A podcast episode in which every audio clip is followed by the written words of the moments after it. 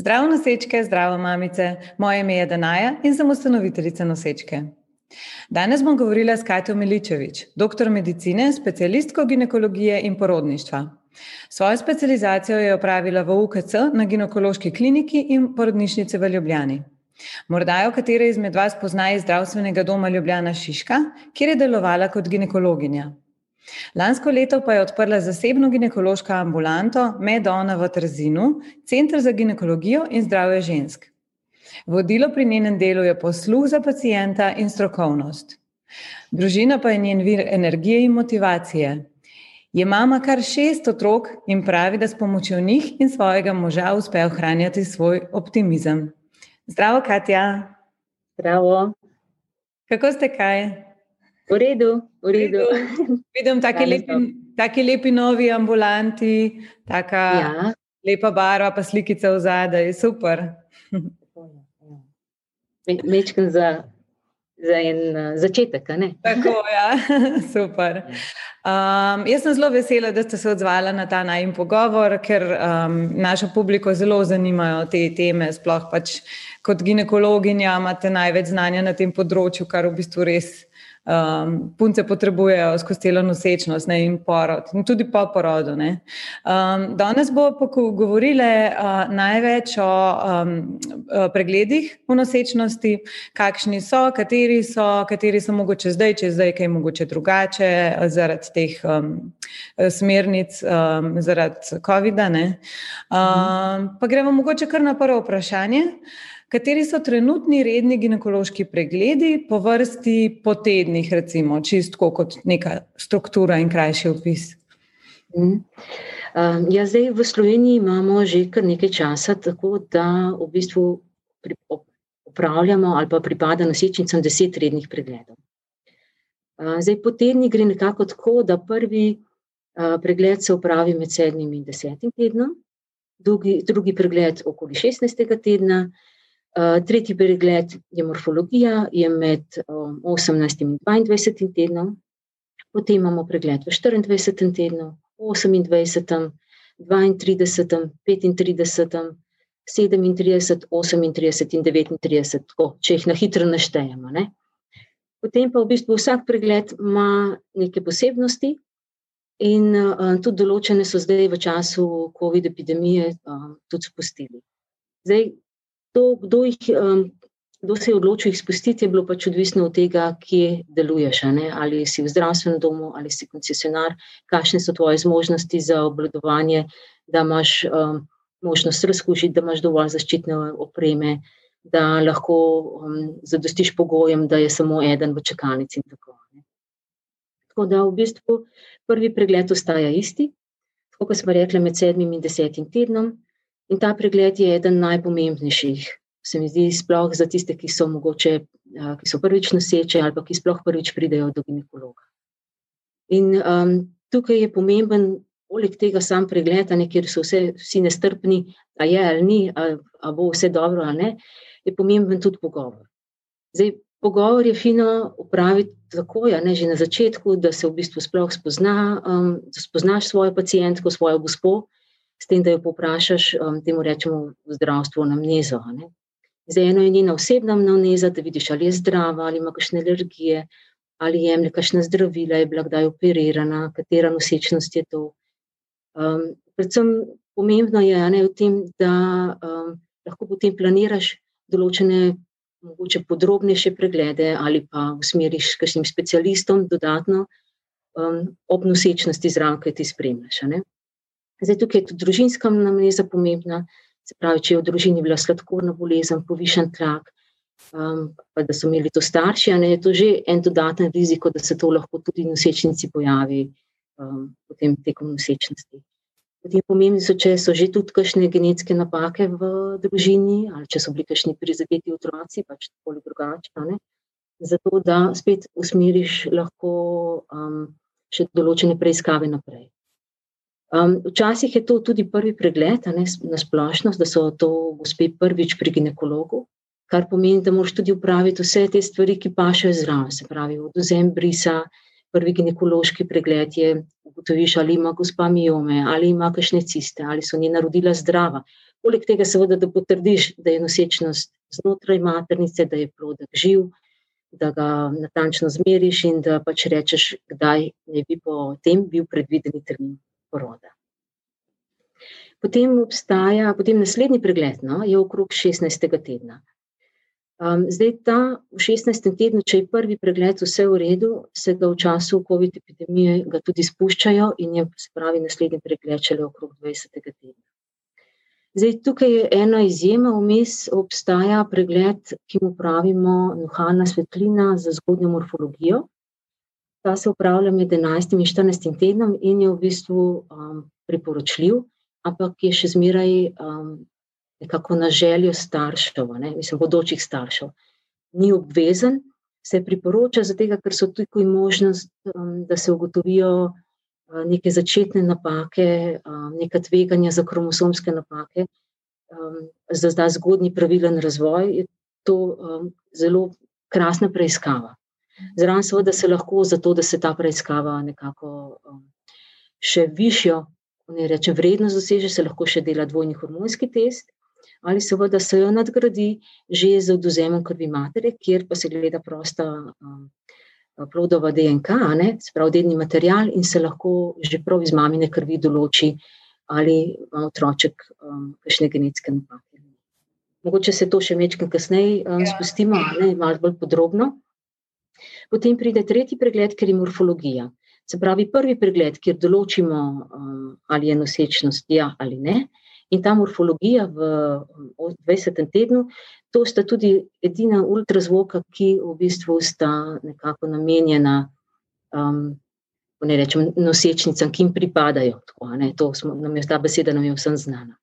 Zdaj, morfologija je tudi zelo pomembna zadeva, tudi če nič prej ne narediš nobenih presejalnih testov in teh stvari.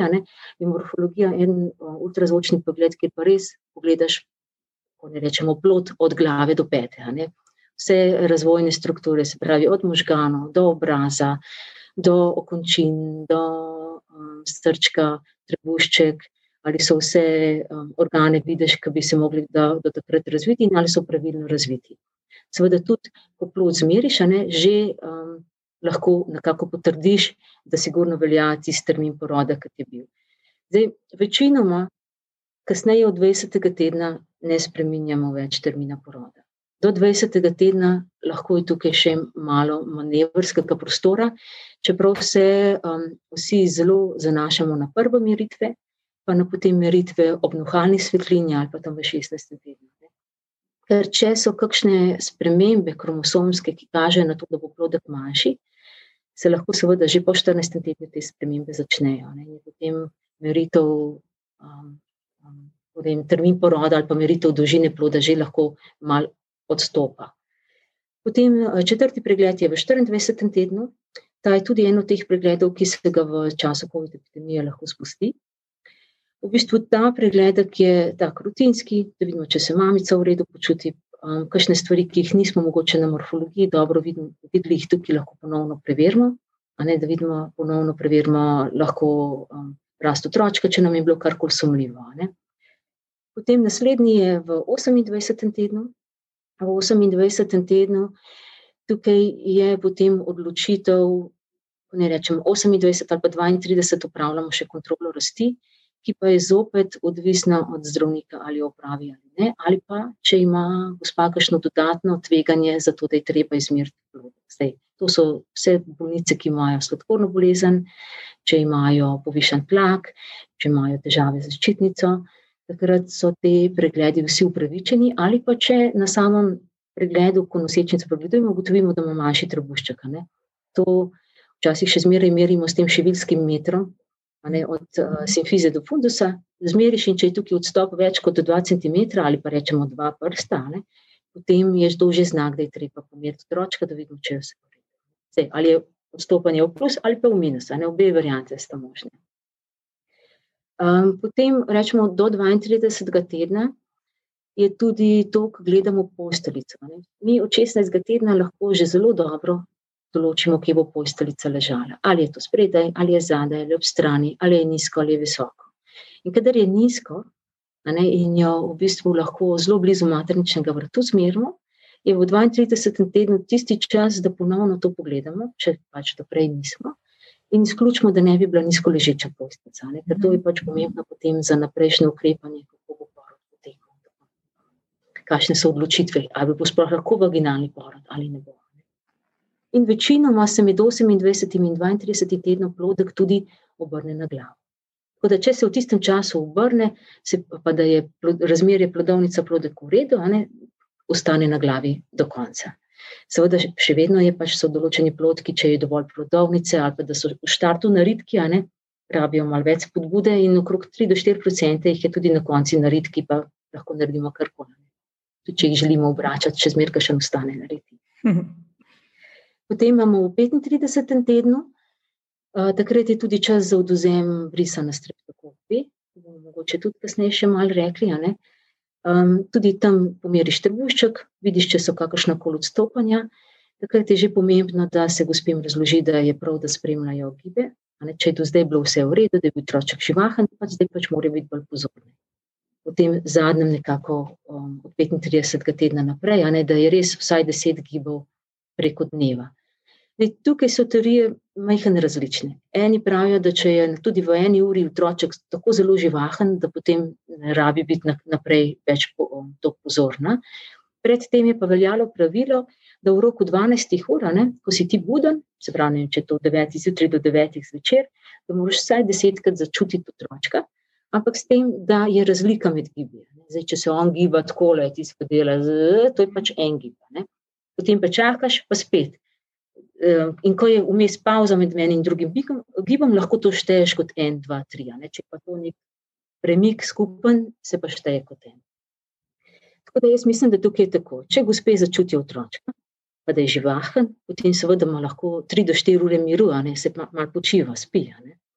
Če po štirih urah nekako ni čist nobenega odziva, ga provajo malo spodbuditi za boženje po trebuščku, mogoče kaj sladkega pojejo ali pa pijejo, ali pa sploh, splošno, da pojejo, pa še ne pozabijo jesti pa pita. Ne. In potem se otroček večinoma zaktivira nazaj. In če se to zgodi, pomeni, da je vse ok.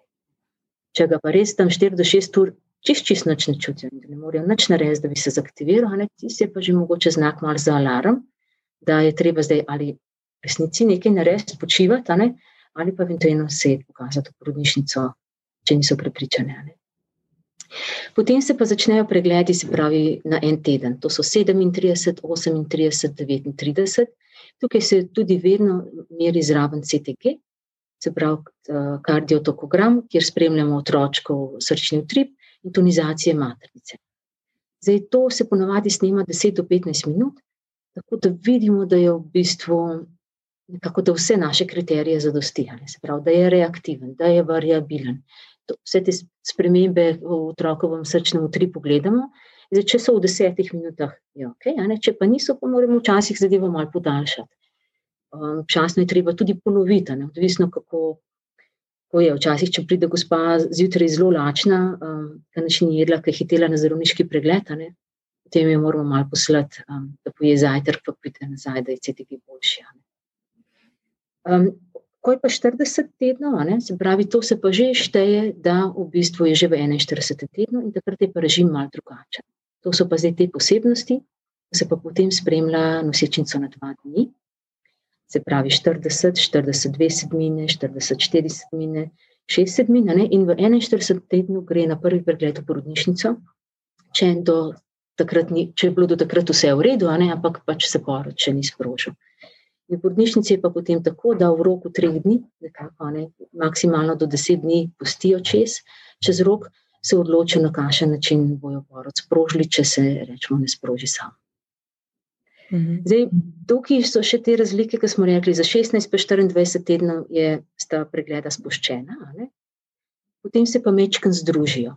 Se pravi, ta, ki je 28 pa 32 tednov, se lahko združi, pa je tam 29-30, to zdaj, ki jih, um, ki jih um, manjšajo število pregledov, potem se lahko tam naredi 33-34.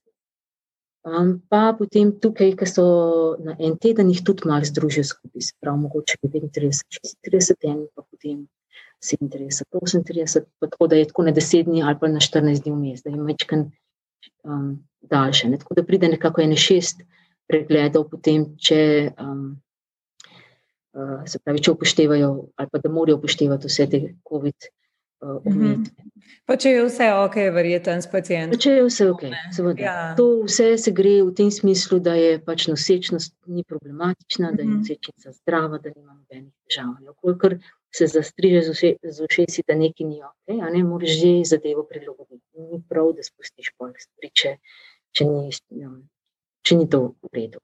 Uh mhm. Zdaj, tudi določeni, da ne vem, poveva tudi kaj v uh, teh laboratorijskih preiskavah? Um, lahko je, ja, se pravi, je voda, pa krija, koliko se to kaj vzame. Uh mhm. -huh. V bistvu um, urin, tlak, ne krvni tlak in teža, to se kontrolira vsak pregled. Kadarkoli prideš, vedno pač ponovadi pregreš v laboratorij, in ko prideš v ambulanto, ti izmerijo krvni tlak, pa težo. To je nekako rutina vsak pregled. Ne? Um, edino pri prvem pregledu pač se to naredi kasneje, drugače pa vsakeč um, ob pregledu ali pred pregledom. Potem je prvi, um, um, odozem, prvi odozem krvi, ponavadi na tešče. Tak, to je zaradi tega, ker se gleda, ker ni sladkor, ne, to je že prvo presejanje za nosečniško sladkorno bolezen. Potem se pogleda hemogram, tukaj pogledamo, da ni že kakšna prej obstoječa anemija, ne, slabokrvnost, ali je v bistvu telo v redu, ali moramo že kaj dodajati. Um, pogleda se um, za te bolezni, kot so sifilis, toksoplazmoza, v določenih primerih lahko tudi za hepatitis, tako že pogledamo, pa bo eh, določi se krvna skupina in RH faktor. To je pomembno potem tudi za naprej, ne? ker če je RH faktor negativen, se potem v 25. tednu posebej vzame kri um, pri mami. In zdaj um, je transfuzija že dolgo napredovala zaradi vseh teh genetskih, um, reč, genetskega napredka, teh preiskav, da v bistvu iz maternih krvi določijo, ali je plod RH negativen ali pozitiven. To je zdaj mogoče ena ta sprememba, ker če je plod negativen, mama ne dobi zaščite v 28. tednu, tako kot jo je ponovadi, so vse nosečnice dobile v 28. tednu, pa potem po porodu, ne, če se je izkazalo, da je plodek pozitiven. Zdaj pa v bistvu v 25. tednu to določijo in um, če je plodek negativen, potem te dodatne zaščite ne rabijo. Ne. Tudi po porodu to preverijo in injekcije ne rabijo. Včasih so pa to, ne glede na vse dejali, ker pač niso mogli določiti otročkov RH prej. Potem ena preiskava, ki se je tudi zdaj kar dosti spuščala, mislim, da se še vedno, je ta um, oralni glukozni tolerančni test, ki se dela med 24 in 28 tednom. Zdaj, to je bilo že, mislim, da od 2011 se je začela ta akcija, da bi to se delalo vsem nosečnicam, ker prej se je to samo delalo tistim, ki so bile tvegane, ali pa so imele sladkorno bolezen v družini, um, ali pa so videli, da je otroček pretirano raste, ne določeni ti znaki, ki so bili. In se je potem presejanje delalo um, vsem nosečnicam.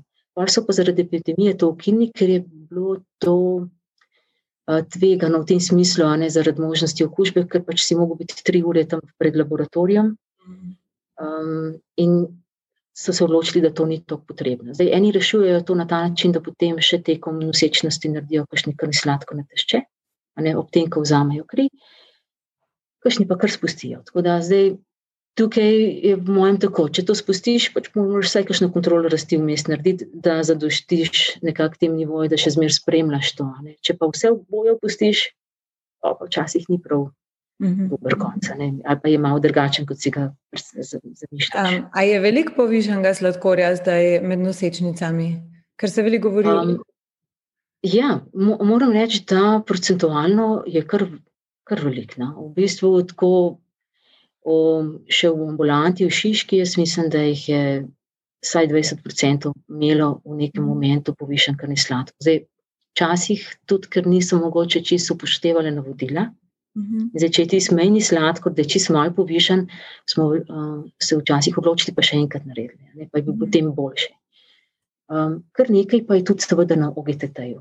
So mm. tistih um, preiskav in veliko se izkaže, da je tista druga vrednost. Ne, da prva je ok, ta druga ali pa ta tretja sta pa odstopila. In to so tisti skriti, uh, skrite sladkorne bolnice, ki se velikrat v resnici pol izkaže, da je ali otroček zelo velika, ne, ali pa da bolj mhm. kasneje tudi rabijo um, inzulin, kasnejši, um, ko nosečnost napreduje. Tako da to je bila ena zelo dobra zadeva in se je tudi um, z diabetologi krasno ujela. Oni tudi to zelo dobro spremljajo, vejo tudi, kaj na ultrazvokih morajo uh, gledati. In jaz mislim, da je bilo sodelovanje krasno. Jaz zdaj samo upam, da ko bo zdaj COVID konc, da se bo ponovno vzpostavilo, ne? da ne bo to zdaj kar zanemarilo, oh, se ni treba. Mhm. Ne? Ne, da, da ne bo tiste stvari, ki so bile dobre, pa preizkušene, pa ki se vedeli, da funkcionirajo, zdaj. Tako je. Malo ušle. Um, no, in takrat, okrog 20. tedna, med 20 in 24, je ta tudi druga kontrola krvi. Ponovno hemogram, a ne spremlja se, da ni kakšna slabokrvnost. Um, pogleda se še toksoplazmoza, če je bila v startu negativna, ne, se potem jo spremlja vsako tri mesece. Um, in to je to, to je za drugo rundo rečemo. V tretji um, kontroli se pa ponovadi po 30. tednu, naredi se prav tam okrog 32. 33. se ponovno pogleda toksoplazmoza, hemogram. Um, pa če se hepatitis do takrat še ni pogledal, se še hepatitis um, uh. -huh. kontrolira. Ne, tako da to so nekako te tri kontrole krvi, ki so obvezne. Zdaj, če je vmes kakšna koli težava, seveda reagiraš in narediš uh, kontrolo krvi zaradi tiste, zaradi tiste težave, ki se pojavijo. Uh -huh. Rečemo to, mogoče, da je kakšna nosečnica večja, se kakšna srpečica začne po telesu, pa spremljamo pa žolčne kisline, jedrne teste. Ali če so kakšne druge um, bolečine v trebuhu, takrat pa dodatno preverjamo da izključimo, da ni kakšna nevarna zadeva. Uh mhm. -huh. Se pravi, to so vsa v bistvu redni pregledi. Um, uh -huh. kaj, pa v bistvu, kaj pa obstajajo še, se pravi, nuhalna svetlina, ta, ta pregled ja. je v bistvu tudi uh, plačljiv, oziroma kje se ga pač da narediti, tako ali kako, kar sem jaz razumela. Uh, ja, zdaj, Nuhalna svetlina je dodaten pregled, ne? taki v bistvu v samo redno pregledovanje ne, ne pride noter. Aha, razumem. Um, je v bistvu priporočljiv za vse nosečnice, ampak nismo, nismo vsi ljudje enaki. Ne? To je v bistvu del tega predrojstnega, um, um, preventivnega presejalnega testa. -huh, uh -huh. Se pravi, ti, ko imaš nosečnico na prvem pregledu, takrat potrdiš nosečnico tudi glede na leta, ne, svetuješ um, te predrojstne teste. Zdaj, um, prvo se moraš tako pogovoriti, ali je to zadeva, ki jo sploh želi. Določeni jih ne želijo, ker se pač odločijo, da ne glede na to, kaj bo z mojim otrokom, jaz pač ga želim obdržati. Ker te testi imajo nek smisel. Ne. Niso kar tako zdaj, zato, ker je treba delati, ga bom pa naredil, ali pa ker hočem sliko imeti ne, na začetku. Mm. Ampak imajo smisel v tem, da um, pač po zdravi populaciji ti iščeš um, plode, ki so tvegani, ne, se pravi, iščeš, ali imajo določene napake ali ne. In zdaj te same metode so odvisne um, v bistvu od tega, koliko podrobno si želiš, pa mogoče kakšno tveganje imaš v družini. Zdaj, nohalna svetlina za zgodnjo morfologijo ima zanesljivost tam lahko do 90 procentov. Se pravi, da zmerijo nohalno svetlino, to je ta prostor zadaj za vratom, ne, ker je v bistvu taka kot tekočina med kožo vratu ne, in to svetlinco, ki jo rečemo, to črto tako ravno. In zdaj to, če zmerimo, pa da je v redu, pa da je srčni tri po redu, pa da je ta zgodnja morfologija, morfologija primerna, pa da je mama načeloma mlada, ne, da nima tiste osnovnega tveganja verizga, potem je to lahko zelo krasen rezultat in rečemo, ok, s plotkom je vse v redu. V tem času, ko ga mi gledamo. Še zmeraj to, a ne kasneje, so lahko določene stvari se zgodijo, so neodvisne od te nohalne svetline, so čez druga stvari. Uh mhm. -huh. Zdaj, potem imajo možnost zdravo no, tej preiskavi vzeti še dvojni hormonski test, ki lahko dvigne zanesljivost um, tega izračuna, ne, tudi tam do 95%. Uh -huh. Zdaj, Stvar je tako. Nuhalna svetlina, to, kar jo delajo zdravniki za licenco, ne, pa dvojni hormonski test in to, to so vse statistični izračuni. Uh -huh. Pravi, statistično se da noter ali prejšnje mamene bolezni, da se notri porodi, kako so se končali.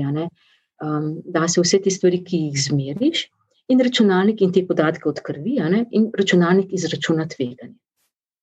Se pravi, to. Um, je na neke mere zanesljivo, ampak ta zanesljivost ima tudi eno sivo cono, ne, ne veš čisto točno, kateri so rezultati mejni, pa moš še nekaj dodatnega narediti. -huh. In zdaj to novejša stvar je tale nifti test ali mhm. neobona test ali panorama test, imena so različna, harmoni test. Vsi delujejo na tem, ne, da po desetem tednu, ko je v bistvu v materini krvi dovolj te proste plodove DNA, se oduzame kri in se um, jo izlušči ne, in v bistvu pregleda kromosomsko. Zdaj, koliko natančno se jo pogleda, je pač odvisno, kater test berete. Imamo možnost, da pogledamo samo te tri somije, ki so tudi pri nohalni svetlini, se pravi 21, 18, 13. Lahko pa pogledamo še več. Ne? Lahko pogledamo, ali, kako so spolni kromosomi, so pravilno. Ne? Imamo tudi določene sindrome, ki vemo, da je otroček lahko morfološko čisto v redu, ampak um, ni pa pol spolno, pa ni čisto razvit, kot bi lahko biti. Potem so lahko še razširjeno, ne? pogledamo še lahko več kromosomov, pogledamo lahko kakšne določene prav specifične bolezni ali temu rečemo delecije ne? ali pa sindrome. Se pravi, to je odvisno, kaj zberemo in takrat je seveda ob tem potrebno svetovanje, da se pove, kaj se dobi od tega testa in da tudi te testi imajo svoje omejitve. Ne, testi, ko vzamajo materino kri, kot prvo, mora biti tega materijala dovolj. Zdaj, pri enih testih je to zelo vpliva, ne? in če materinega materijala ni dovolj, se pravi, da je dovolj plodove DNA, te testa ne morejo izvesti ali pa ni, ni pravilen. Če je materijala dovolj, pa da je test ok, ne? je tudi v bistvu zelo, zelo zanesljiv, tam skoraj 100, 99,8 rečejo. Ne? Eni imajo tako, da um, tudi če je malo materijala, njihov način dela ne, to, kako berejo to um, plodovo DNA, vpliva, da lahko naredijo zanesljiv test. Tako da tukaj je v bistvu tako, če ste vi zdravi, a, se pravi, da je um, nosečnica zdrava, pa da ima zdravo družino, pa da je partner ok, potem neke poglobljene um, genetike najbrž v resnici ni potrebna, ne, razen za te stvari, ki se naključno zgodijo, se pravi, trisomija 21, 18, 13, te, ki so tudi v populaciji zelo veliko bolj prisotne. Mhm. Določene specifične stvari, se pa jaz mislim, da se je priporočljivo iskati jih takrat, kadar imaš tudi v družini nekaj taska, ne? ali pa se sumi, ali pa kakorkoli, da bi lahko bilo, in se potem mogoče specifično išče to napako. Določeni genetski testi ti tudi lahko to ponujajo, se pravi, da poleg tega, da se nosečnici vzame, se lahko očetu vzame. Ker so določene nacije, ki nosijo ene genetske napake s seboj. Mhm. Zato, ker pač tekom let, tekom vsega so se pač določene kromosomske napake v teh eh, nacijah bolj nabrale in so tudi zaradi tega bolj pogoste in tam se splača. Pri nas pa mogoče zaenkrat je dovolj te redne ali pa rečem, klasične stvari. No. Uh mhm. -huh. Pa to so v bistvu vse neinvazivni pregledi, ja? Ne? Tako, tako, to je v bistvu neinvaziven, se pravi, sam ultrazvok je neinvaziven pregled. Odvzem krvi je v bistvu ena najmanj invazivnih stvari, ne? ampak mhm. vzamemo se mami, ne, ne ja. pikamo um, v trebušček ali pa prplodo. Uh mhm. -huh. Ker druge invazivne zadeve sta pa možnost amniociteza, uh -huh. pa uh, biopsija horionskih resic. A pa to se še vedno dela zdaj, glede na te NIPT, pa te genske izkrvi, se še vedno izvajajo te? Um... Tako, še vedno se izvajajo, ampak v tercijalnih centrih, a ne se pravi, to je UKC Maribor ali pa UKC, um, smo pa na našem primeru porodnišnica Ljubljana, ne, te teste lahko izvajajo. Se pravi, po, um, pri nas velja tako, da do 35 let ne, so vse te presejalni testi plačljivi, pa če jih mora nosečnica sama plačati. Mhm. Po 35. tednu Eh, pardon, se upravičujem, da smo ja. na tednih, 35 letu, ja, joj. je um, takrat potem nosečnici lahko na napotnico pripada ta nuhalna svetlina s dvojnim hormonskim testom.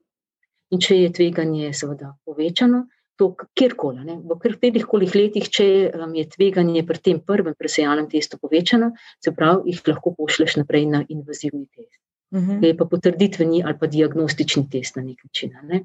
Kaj pa je v bistvu razlika, kaj pa več pokaže, oziroma kaj drugega pokažejo te testi, ki so recimo invazivni, zakaj so v bistvu potrebni? Zakaj? Če imamo možnost Zdaj, invazivnega, recimo. Tako. Tako. Zdaj, invazivni testi pogledajo vse kromosome. Uh -huh. Se pravi, vseh 23 parov um, preverijo. Ker zdaj to, ko smo prej govorili, ne, to, ko ti vzamejo um, sečnici kri, pa pogledajo določene. Ne, to, ko smo rekli, pogledajo kromosom 21, pogledajo kromosom 18, pogledajo kromosom 13. Rečemo 8, 5, 22, pa ne gledajo, ne? razen če ti širok spektr ne vzameš tam, kjer so te stvari tudi pogledane. Mhm. Prav biopsija, kjer vzameš del posteljice, ne, ali pa amniocenteza, kjer vzameš um, plodovo vodo, ne, tam pa pogledaš vse kromosome. Se pravi, od 1 do 23, ne, teh parov preveriš vse. Mhm. In seveda tam lahko določene napake vidiš, ki jih v bistvu v teh krvnih testih ne zaznaš. Mhm. Je pa tako, ne, določene delecije, se pravi, delecije, to so zelo, zelo mehke napake, ali določene monogenske bolezni, kjer je tudi v bistvu sam en mehen premik v določeni zadevi napačen. Tukaj ti pa tudi amniocenteza, pa horionska biopsija, ne, če prav to posebej ne iščeš, ti lahko ne tega ne zaznajo. Ne, mož, mhm. ti mu rečejo, da imajo prav take panele, ali kako gledajo ne, za določene napake. Zdaj, določene naredijo avtomatsko, sistematsko vse, kaj morajo pa prav posebej iskati, ne? in niso vsi paneli za vse. Mhm. Tako da vsaka preiskava ima mečkan svojih omejitev, ni vse sto procentov, tako kot v življenju pač nikoli ni. Mhm. Ampak seveda, če nekaj iščeš, pa veš, kaj iščeš, imaš večjo možnost, da najdeš. No, ali pa rečeš, da to je tukaj, ali pa to pa ni tukaj. Mhm. Je pa tako, no? imate tudi amniocenteza, pa biopsija horionskih resic, imate mečken, um, sta malo drugačne. Se pravi, biopsija pomeni, da uh, vzamemo prav delček posteljice, kjer imamo tudi možnost, da je uh, malo drugačna od samega ploda. Temu rečemo mozaicizem. Tako da, če tukaj do kakšne napake pride, ali pa da so stvari malo drugačne, morajo še vseeno zopet potrditi z amniocentezo. In omejitev je to, da biopsijo lahko delajo že od 10. tedna dalje, pri amniocentezi pa čele od 16. tedna nosečnosti dalje, ko je v bistvu dovolj plodovnice, da plodku ne škodi, če mu jo 20 ml oduzamejo. Mm -hmm. Um, Ker so bile že NIPT, NIPT um, uh -huh. eno vprašanje, NIPT panorama, kaj je razlika med NIPT in dvojno kromosomsko testiranje, dvojnim kromosomskim testiranjem. To je bilo to v bistvu, kar ja. smo razlagali. To, to je to, kar smo razlagali, čeprav imam občutek, da je tukaj mečkam bilo mogoče narobe razumljeno. Uh -huh. Po mojem misli je to, da je dvojni, kromos, uh, dvojni hormonski test, ne kromosomski. Aha, ja, ja verjetno. Ja, ja. Jaz si mislim, da je bilo tukaj mogoče to vprašanje, ker zdaj dvojnega kromosomskega testa nimamo, Ni, ja. pa imamo. Um, in zdaj to je ta razlika, koliko je zanesljivost. Se pravi, če ti narediš um, nipti, nipti pogleda, smo rekli, veliko več kromosomov lahko, kot um, rečemo samo z dvojnim, uh, z dvojnim hormonskim testom, pa nuhalno svetlino skupaj. Tudi zanesljivost je veliko večja. Mm -hmm. Je pa tako, no, tako kaj z vsem mojim uh, gospem rečem. Tukaj sta dve zelo različni preiskavi in ena drugo zelo dobro um, sta skupaj delujeta, ampak ne izključujeta. Ne. Nuhalna svetlina je ultrazvočni pregled. In tukaj ti morfološke napake, se pravi napake v razvoju ploda, lahko že zelo zgodaj vidiš te večje napake. Mm -hmm. In je lahko plodek razvojno nekaj narobe, ne? ampak kromosomsko je pa vse v redu. A me razumete? In tukaj ja. je ta razlika. Če ti narediš samo nifti, ni obov na harmoni test, uh. -huh. če to pomeni, da se bo otroček prav razvijal, lahko ima nekje, ne vem, se trebušna stena ne, ne bo v redu danes skupaj. Ima neko izolirano napako, ki je lahko huda, ampak ni pogojena z kromosomskimi napakami. Uh mhm. -huh. Tako da tukaj je fajn ta kombinacija. No? Definitivno, če se že odločiš v neko presenje, pa da si rečeš, da hočeš biti miren, je fino, da narediš kombinacijo, spravi uh mhm. -huh. ultrazvoka in pregled krvi. In jaz mislim, da to je nekako trenutno v teh časih največ, kar lahko naredimo. Uh mhm, -huh, res je. Ja. Um, potem pa tukaj prideva do vprašanja, kdaj je najboljše opraviti 3D, 4D test. O tem še nismo govorili. Ja.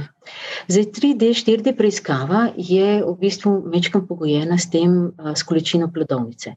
Uh mhm. -huh. In um, Pač fino je, da je otroček nekako um, že mečkan bolj dozorel in to je se ponovadi od 24. tedna naprej. Zgodi, da je, temu rečemo, da ni samo tak suhec, ne, um, da so samo končince podko, pa vse zelo izraženo kot en vesolček, ampak se začne že mečkan nabirati tega podkožnega ščeva. Tako da tudi mečkan bolj vidiš pravo obliko, že lahko izraze plode in vse. Se pravi, ta preiskava je najbolje, da se dela med 25 in 30 tednom nosečnosti ker je takrat razmerje med velikostjo ploda in med plodovnico najbolj ugodno. Se pravi, tudi če otroček ni čisto v idealni legi, a ne se ga malo počaka, ampak med sondo, ki, s katero delaš 3D, 4D preiskavo in med plodkom, ki ga želiš gledati tistim delom, ne, mora vmes biti zadostna količina čiste plodovnice, brez česar koli vmes, ne, da lahko ti jasno sliko bolj obdelaš. Seveda lahko pogledaš kar želiš. Ne? Lahko pogledaš obraz, lahko gledaš um, roke, lahko gledaš vse te zunanje, zunanje oblike.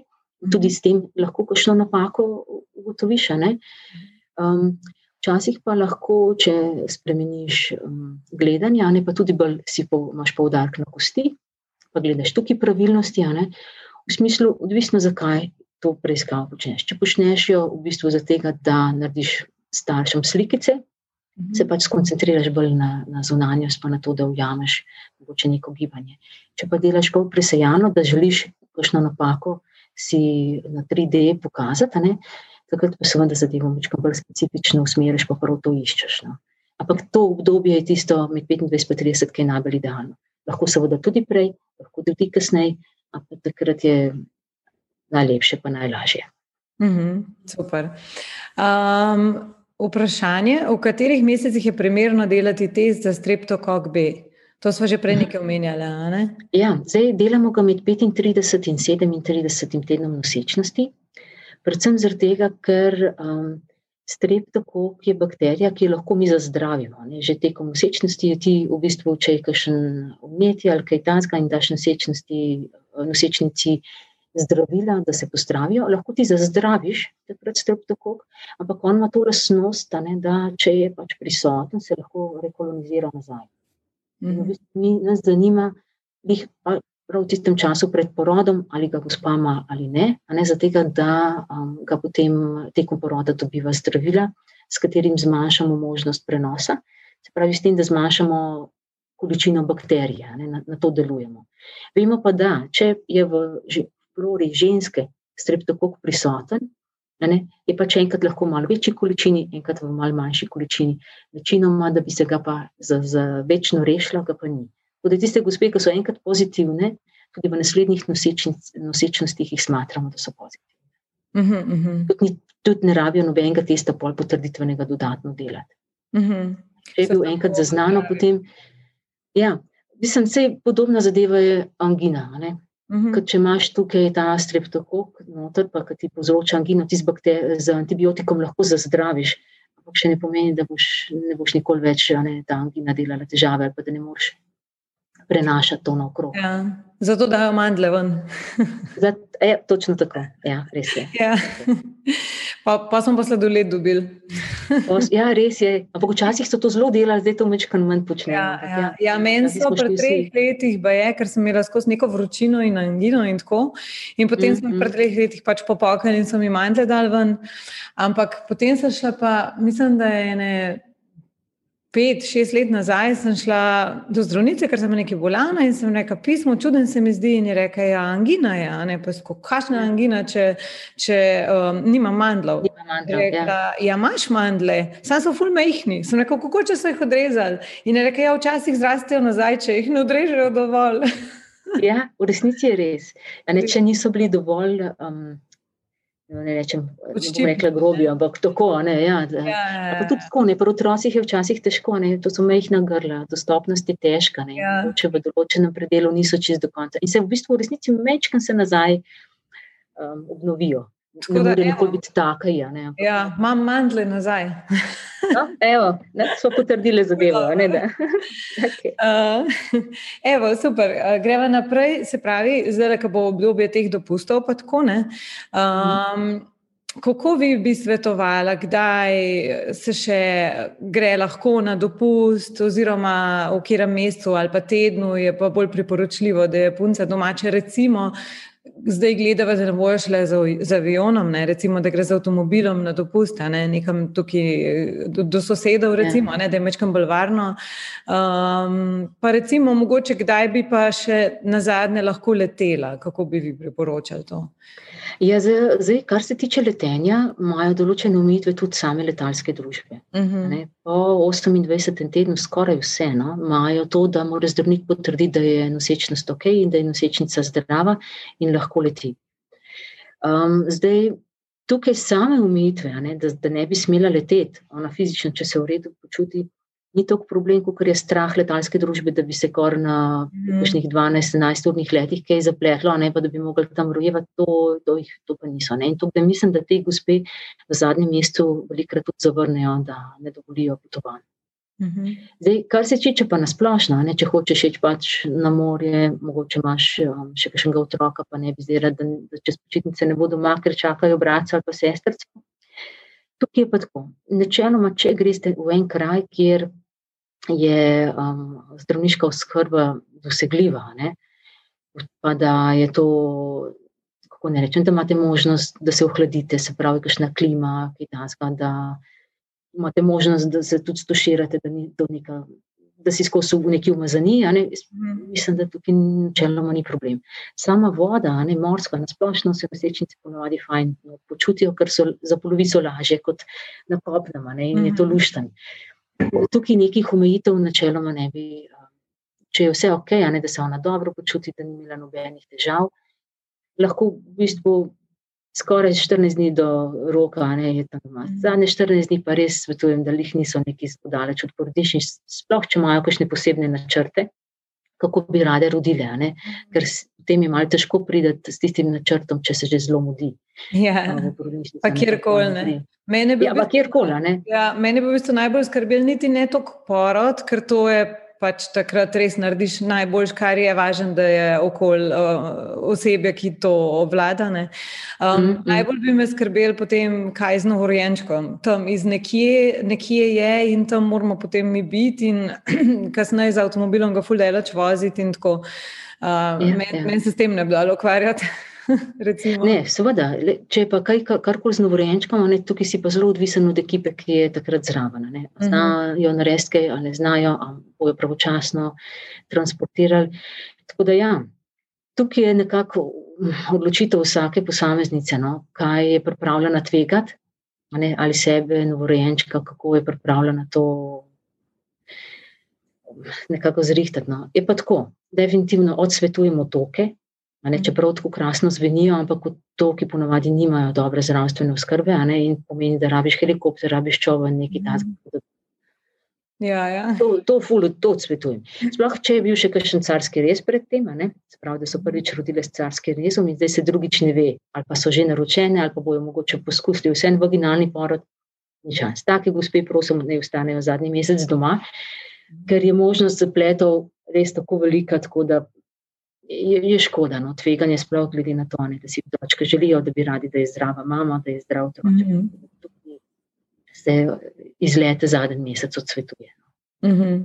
um, Um, super. Prej vem, sva še o sladkorni sva že govorili, samo imam tukaj še eno vprašanje. Um, kaj so recimo znaki? Jaz vem, recimo pri drugem sem imela malo povišen sladkor, pri drugem otroku, pri prvem, v, drugi nosečnosti, v prvi nisem imela. Ne?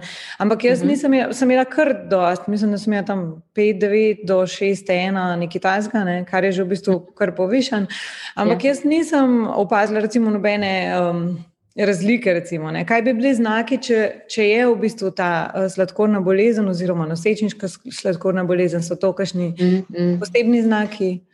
Ja, sej, to, to so take zadeve, ne, kot je tudi vse pritiska, tudi nobena gospa ponovadi ne opasa, ampak se v ja. bistvu dosto ok počutne. Še mogoče celo boljš, ko je pritisk nizek, kot takrat, ko je mal višji. Mm. Zdaj tako, um, eno so lahko sami znaki pri uh, gospe, velikrat teža zelo hitro narašča, um, da je to prvi znak, da nekaj mogoče s presnovo ni, ni čisto, kot bi moglo biti. Potem pa, ko spremljaš ultrazvočno otročko, opaziš, da a, začne biti razmerje obsega glavice ne, in obsega trebuščka spremenjeno. Mhm. Ponovadi je vedno obseg glavice nekako za 20 večji, kot je trebušček, obseg trebuščka. Ko se to skoraj da izenači, ne, takrat že pomeni, da je trebušček kar konkretno že obložena. Uh mhm. -huh. In je to lahko um, težava potem pri samem porodu. Zdaj, če se to dogaja že od začetka, ne, pravi, od zelo zgodaj, pomeni, da ta otroček lahko v resnici skoraj za teden, deset dni, včasih za 14 dni, večji, kot bi pričakoval za, um, za gestacijo. Ne? In se lahko tudi zgodi, da je zaradi tega ali prezgodni porod, lahko se tudi, nažalost, kdaj zgodi intrauterina smrt, zaradi tega, ker pač ne, ne zmore se kompenzirati ta presnovna motnja. Mhm. Um, Velikrat se pa zgodi, da polko na rok rodijo gospe, ne, da so ti otročki konkretno čez 4 kg, 4 kg pa pol in tudi te neverjetne mere, ki so. Ja. Tako da je sam porod, seveda potem. Ja, pa ja. se, se upravičujem. A se um, um, sladkorna bolezen oziroma diabetes prenaša tudi na otroka, ali je kakšen vzrok, da ga otrok dobi, ali je to že prej določeno? Um, ne, zdaj, načeloma, če imate vi sladkorno bolezen v nosečnosti, ne, pomeni samo, da to, kar vi presnavljate, ne, se tudi kaže na plotku. Se pravi, on tudi začne intenzivno presnavljati sladkorja in seveda, ker je tega veliko, ne, dela zaloge. In dela zaloge tako, da se pač eh, v trebuščku dobiva svoj obseg. Ne, um, Zdaj, to se lahko potem tudi kaže, da ker je on navaden na tak tempo presnavljanja, da ko se rodi, ne, ima pa težavo, ker ne dobi več toliko velik tega uh, sladkorja, da bo on presnavljal ne, in pade v hipo. Ne, se pravi, Aha, se pravi, ni nujno, da ima on diabetes, samo navaden je na tak način presnavljanja navajeni na tak način preslavljanja, in potem, seveda, čez nekaj časa, ko se pri njemu ta presnava spet umiri, ne lahko normalno naprej napreduje. Aha, zato se v bistvu tudi na sečnici predlaga, mislim, priporoča, da ne je preveč sladkorjev, tudi če nima, recimo, predispozicija za diabetes oziroma. Povišanga, zato da se um, otrok ne navadi na, te, uh, na tako način presnove. A, zanimivo, ja. to pa prvič slišim. Mislim, je pa tako, no, raziskujejo naprej, seveda raziskujejo, da pri teh nosečnicah, kjer je bil diabetes, ne, zdaj so sploh zelo uh, raziskave usmerjene v to, da um, čas, ko je otroček v trebuščku, koliko v bistvu obnašanje mame, prehrane, uh, prehrana mame, koliko vpliva lahko pa na njega kasneje. Uh mhm. -huh. Zato so dolgotrajne preiskave, ne, ker spremljajo otroka za 10-20 ja. let. Tako da načeloma vse malo nakazujejo to, da če je imela mama presnovne motnje v nosečnosti, da se to lahko potem izrazi tudi um, v otrocih. Zdaj, koliko manj se izrazi. So, že, tudi kasneje, že ko so oni starejši, recimo, veliko se diabetes pojavlja in po 50 letu. Recimo, tako, tako. Mhm. To, to, to je ene. Zdaj, se, če tako dobro pogledamo, pač, um, eno, da imamo mi genetsko predispozicijo, lahko, ne? drugo je pa pol okolje. Zdaj, če se mama pa oče na nek način prehranjuje, ta, ne, ki kaže na to, da se lahko diabetes prerazvije, seveda to že prek trebuščka ne, in potem še kasneje data svojemu otroku. Ne. In ta otrok rabi res veliko enega gibanja, enega zdravega, dodatnega, da se mu kasneje ta diabetes razvija. Uh mhm. -huh. Sploh, če pa je kakšna debelost še prisotna, pa tako, je pa ta intoleranca za glukozo lahko zelo, zelo hitra. Uh mhm. -huh. Zdaj, to sta dva različna diabetesa. Ne? Diabetes tip 1 je velikrat um, lahko tudi po kakšni virozi, po kakšni hudi zadevi se naredi. Tako je tu avtoimuna oblika. Sladkorna bolezen tip 2 je pa druga, ne? je pa prav presnovna motnja, ki se potem razvije v intoleranco za glukozo in tako naprej. Tako da te stvari so mečkan ločene, ni, mhm. ni, nima isti začetek. No, Ja. Um, Veliko se govori tudi o ščitnici um, zadnje čase. No, se mi zdi, da imajo mamice oziroma nosečnice kar probleme. In um, kaj pomeni jemanje eutiroxa? Sem prav rekla. Eutiroxa, ja. Eutiroxa. Ščitnica in jemanje eutiroxa v nosečnosti ali je možna povečana slabost? Zdaj, da bi bilo to samo zaradi ščitnice. Večinoma ni, no, ker pač slabost sama po sebi je um, zelo individualna. Pri enih je strašno izražena, pa nimajo nič, ne nosi um, ščitnice, ne več, ne, pa imajo lahko ta hiperemez z gravidarom, ki reče, da bruhajo neprestano, pa ne morejo vse prideti. Mm -hmm. Je dosto odvisno od samega um, nosečniškega hormona. Zdaj, ščitnica je pa v toliko problema, ne, ta sploh jemanje euteroksa, ker ga, ta režim jemanja je, da ga morajo vzeti zjutraj na tešče. Seveda, v nosečnosti nekaj vzeti zjutraj na tešče je lahko katastrofalno. In se verjamem, da se iz tega namena bolj poveča slabost. Ne samo zaradi ščitnice, ampak ker je ta režim jemanja zdravila takšen, da ga moraš takrat vzeti, zato da je potem um, pravilno deluje, kasneje, ko ga dodajaš. Je pa sicer tako, da ščitnica je nekako naš bazalni, um, bazalna žleza, ki ureja energijo. Se pravi, če ta neštima, se veliko stvari v telesu poruši. Poleg spolnih hormonov, ne sam energetski status um, človeka in seveda v nosečnosti, če je to porušeno, uh, lahko seveda tudi vpliva na plod, da to ali slabše raste, ali da se kajšne bolezni pri mami lahko pridružijo. Zdaj, v Sloveniji imamo kar veliko moten ščitnice. Skoraj tako, enkrat mislim, da so delali nekako, da skoraj vsaka četrta ženska v Sloveniji ima neke težave z ščitnico. Dej, to govoriva nekako v tej starosti, ko so, so tudi noseče, a ne pa pol mhm. kasneje, še starejše. Tudi mladih je veliko, ne, ampak tukaj ni tako pomembno za samo nosečnost. Tako da večinoma nosečnice že imajo določeno terapijo, ne, te, ki imajo težave s ščitnico, da bi se na prvič pojavila težava s ščitnico v nosečnosti, je zelo mali, pod en procent. Tako da večinoma se že prej ugotovijo. No. To ve, ne? Potem, ja, tako se to ve in potem je tudi režim kontroliranja že vzpostavljen. Mhm. Osebni zdravnik kontrolira ščitnico, ponovadi na 4 do 6 tednov v prvem trimesečju, pa potem v drugem trimesečju enkrat in v bistvu je skozi v navezi z teriologi, da povejo, ali je potrebno povečati um, vnos zdravil ali ne. To zdaj govoriva za zmanjšano delovanje ščitnice. Uh mhm. -huh. Kadar je pa povečano delovanje ščitnice, takrat so pa druge vrste um, hormonov, mislim, druge vrste zdravil. In tisto pa ponovadi oni želijo, tudi sami ti urologi, da se vodi v tercijalnem centru, tiste noseče ker potem veliko bolj spremljajo rast otroka, nekako sam. Ko rečem samo nosečnico, da se ne bi še naprej klepsija razvijala ali pa še zastoj rasti prezgodaj. Uh mhm. -huh. Da večkrat zgostijo preglede. No, Ja, razumem. Ja. Um, kako bi pa vi, recimo, um, če je nosečnost vse super, CTG so na koncu zadnjih toliko, na dva, tri dni ali kako koli zdaj že, ne, v bistvu so te CTG, če je vse ok. Um, na kakšen način bi vi svetovali um, nosečnici, da se pripravi, recimo, na porod? kaj, kaj je v bistvu mogoče nekaj, kar vi lahko svetujete, da ona sama naredi, um, oziroma imate mogoče vi kakšne take zadeve, ki lahko pomagate uh, v centru vašem zdaj, uh, kakšne take mhm. stvari, ki pomagate um, do lepšega, lažjega poroda. Ja.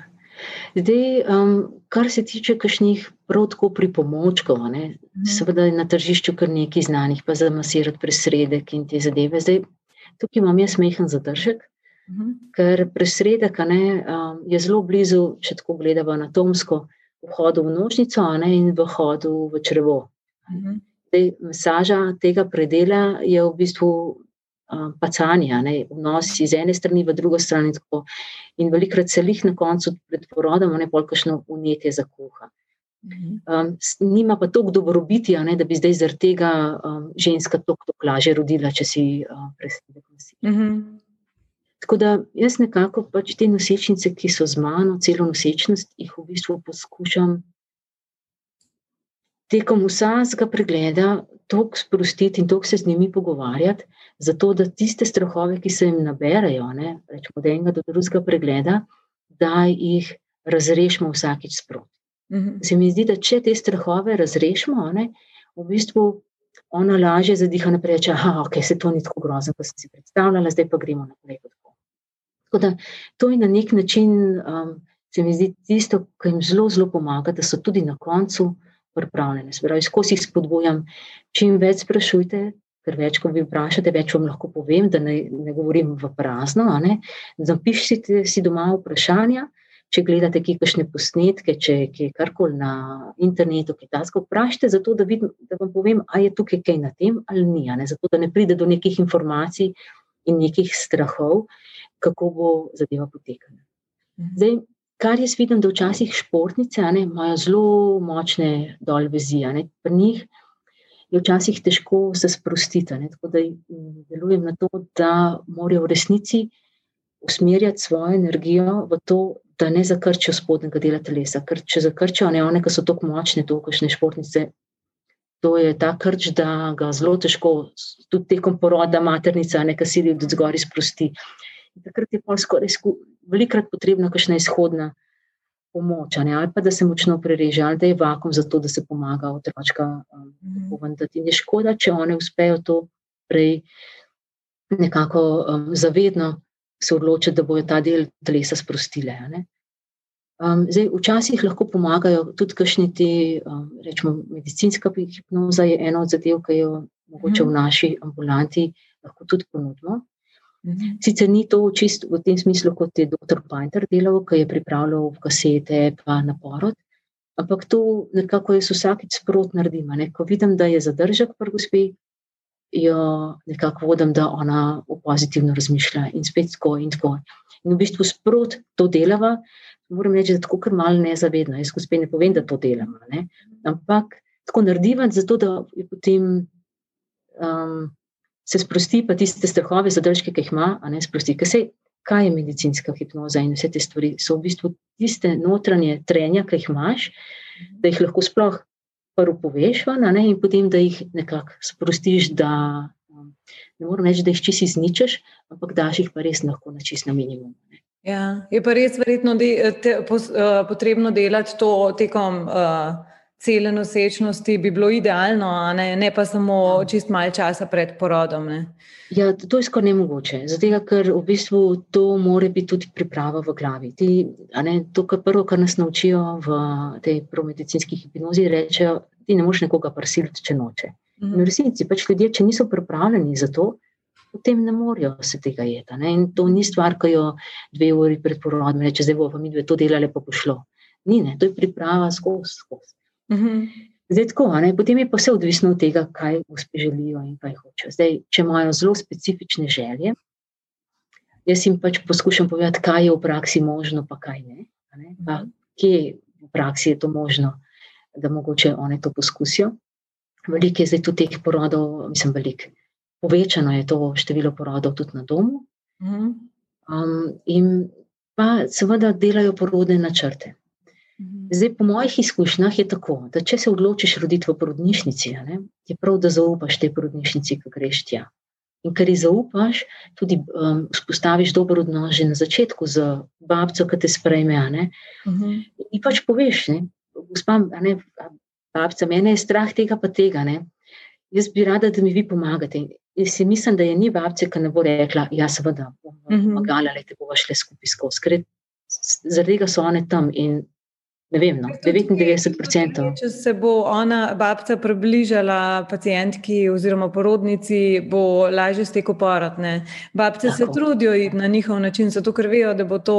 Um, Bolj, bolj ja. funkcionira. Ne? Včasih so tudi kakšne take zahteve, ki niso čisto mogoče v skladu z um, nekimi praksami, pa se še vsem mm -hmm. trudijo. Vse sem videla, vse se potrudim. Imam dve porodni izkušnji, vi jih imate malo več. ne, vse, jaz mislim, da tukaj je čist važno odnos. Zdaj, če ti prideš zelo negativno usmerjen, tukaj pol se bo skozi kresala kre, mm. mnenja. Ja. Je potem težko in je škoda, da gre energija stran v tisto smer, ki ni potrebna. Ne? Ti rabiš, da je energijo čisto v drugo stvar usmeriti, ne zato, da se boš z nekom prepiral, kako je prav. Mm -hmm.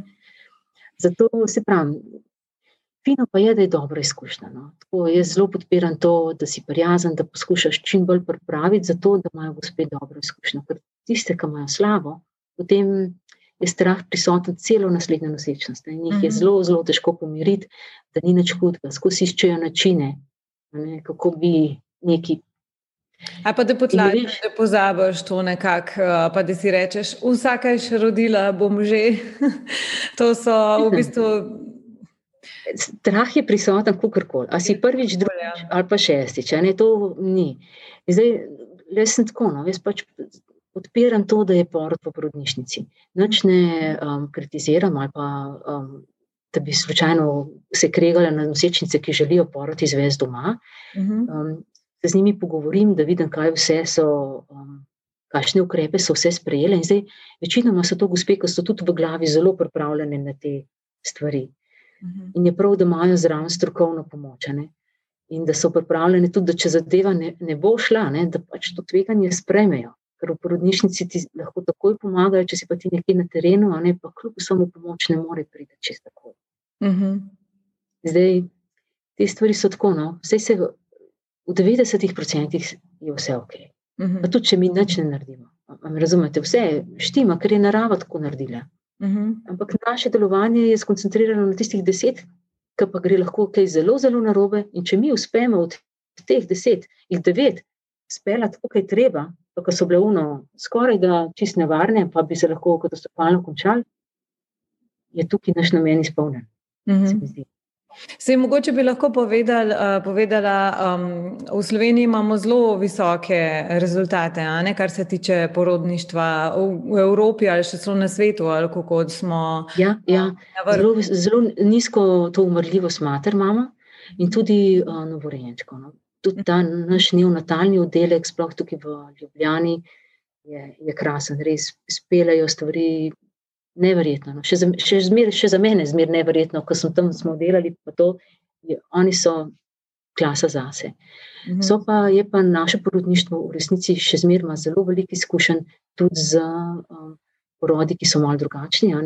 Se pravi, pri nas ni problem voditi um, porod v medenični ustavi, Pri nas ni problem porod dvojčke, če je eden, tudi um, drugi v medenični stavi. Se še zmeraj teh stvari lotevamo, ne? ker nekje v tujini za vsako tako zadevo, kar naredijo carski res. Carski res, če, ja. ja. Se sploh ne bomo ukvarjali s tem, ker je pač tam eh, naravnanost taka, da če gre kaj narobe, ne, je potem takoj lahko uh, toženi zdravniki, tožena bolnišnica, ne? ker so te stvari tam. Mm -hmm.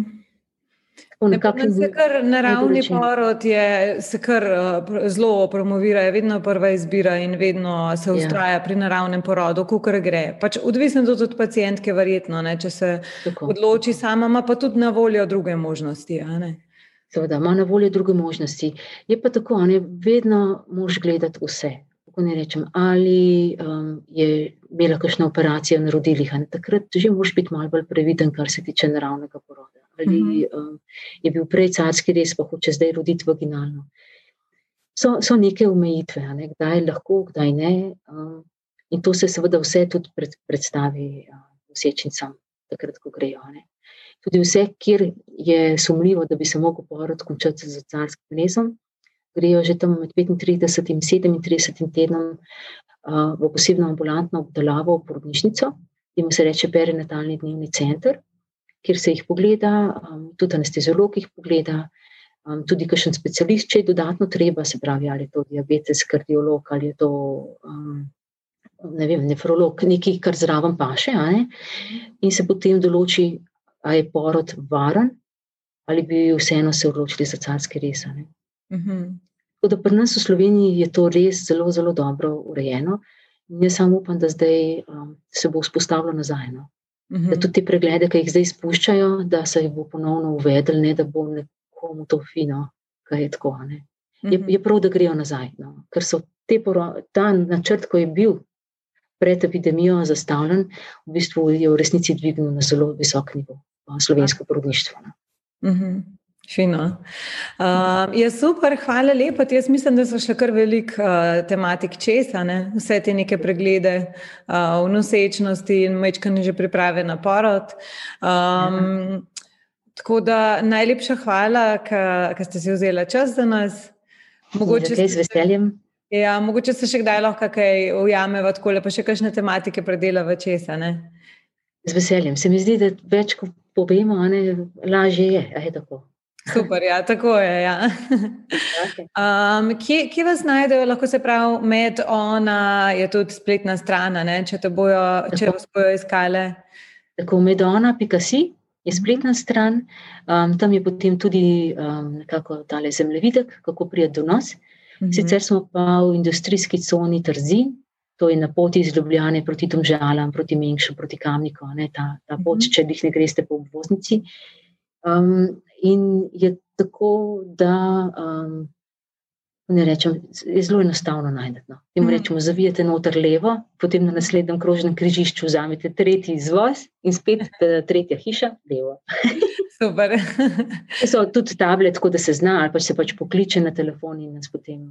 Um, opravljate pa vse te um, preglede, ki smo danes uh, govorili, v bistvu te dodatne. In, in... Vse, vse, vse. V bistvu. Tako, um, imam možnost, tudi tukaj imam um, laboratorija, tako da imam povezavo z Sinlabom, um, mm. sestra Karin, s katero sodelujeva od Ozame Kri. pošljemo naprej, in tudi potem jaz um, v bistvu svetujem, glede na izvide, kako pa kaj naprej. Um, tako da zdaj nismo nikoli čisto umeli, ampak pri vseh teh stvarih, ne, tako kot so rekli, da je prvi pregled, ki je najbolj pomemben. Je v tem smislu tudi prehransko svetovanje, takrat pomembno, svetovanje mm -hmm. v gibanju, ne, kaj se izogibati, kaj ne. Tako da se pravi, v mojih očeh je prvi pogled najbolj pomemben. Takrat se vzpostavi eno zaupanje, takrat um, ja, se spoznaš, ne, jaz vem, s kom imamo upravka, pa oni vejo, s kom imajo upravka, in potem se lažje potem tudi gradi odnos naprej, zato da mm -hmm. potem pride do enega srečnega konca. Ja, super, lepo. Um, hvala lepa, um, pa srečno um, še naprej um, pri, pri tej novi popi, poti. ja. um, hvala lepa, jaz upam, da bomo res sodelovali, mi je to veselje. No? Uh -huh. Če bojo kakšno vprašanje, z veseljem. No, super, bomo zbrali, pa se, pa se slišimo ponovno. ok, zmenjeno. Ok, lepo se imajte. Enako, lep dan, adijo. Adijo, enako.